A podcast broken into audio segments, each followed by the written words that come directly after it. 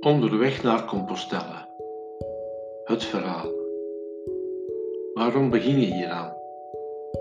Begin dit jaar 2021 besloot ik om met de fiets onderweg te gaan naar Compostela. Waarom? Wel, ik denk dat ik op zoek was naar uitdagingen. Een terugkeer naar de essentie. Rust in hart en ziel na vele jaren van professioneel en vrijwillig engagement. Onderweg naar natuur, stilte, wijsheid, ontmoeting, broederschap. Onderweg naar een doel samen met anderen vanuit alle richtingen, alle werelddelen, op zoek naar symboliek. Een wereld onderweg naar heling, naar corona naar een nieuwe adem. Een wereld onderweg naar een nieuwe toekomst. Een nieuw evenwicht in ziel en natuur. De natuur, ons nest, onze thuis. Op zoek naar extreme daadkracht. Maar hoe pak je dat aan? Hoe gaan we ons voorbereiden? Op weg naar Compostela Normaal neem je daar minstens een jaar voorbereiding voor.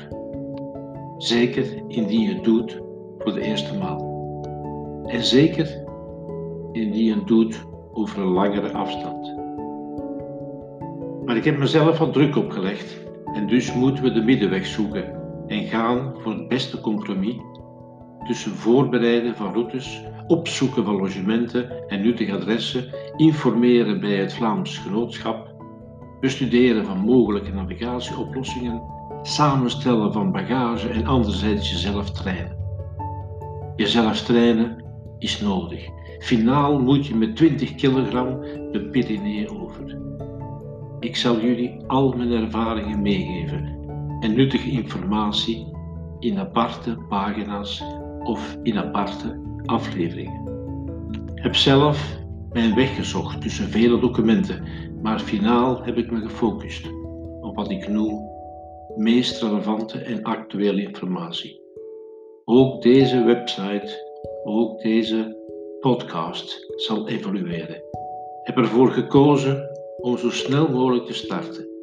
Niet perfect, maar toch steeds opbouwen, verbeteren en groeien. Wees dus niet verrast dat een en ander verandert dat een en ander verplaatst wordt naar een andere pagina of een andere aflevering. Dit kan gebeuren. Heb immers nog nooit een eigen website of podcast uitgebouwd, dus de structuur zal pas de volgende afleveringen, de volgende weken stilaan vorm krijgen. Samen zullen we hieraan bouwen.